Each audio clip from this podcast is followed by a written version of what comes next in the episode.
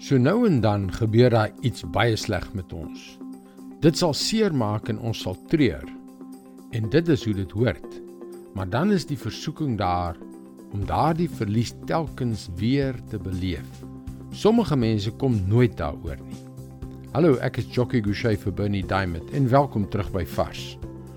Ons sien dikwels hoe die geskiedenis homself herhaal. Een nasie oorwin 'n ander nasie een groep mense onderdruk 'n ander groep. Dit lyk half asof die menslike verhaal een van die oorwinnaar en die slagoffer is. Die wenner en die verloorder. Vandag in my land is nasionale Australië Dag. In Indië vier hulle onafhanklikheidsdag. Dit lyk asof elke land een dag het waarop hy die een of ander episode uit sy geskiedenis herdenk.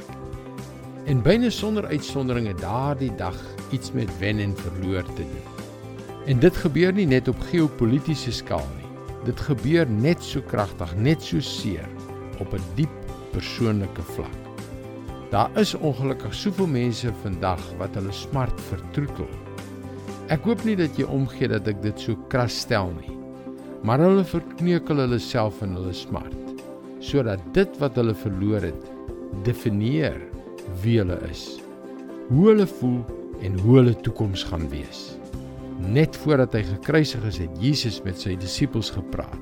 Ons lees in Johannes 14 vers 30: Ek sal nie meer lank met julle kan praat nie, want die owerste van die wêreld is aan die kom.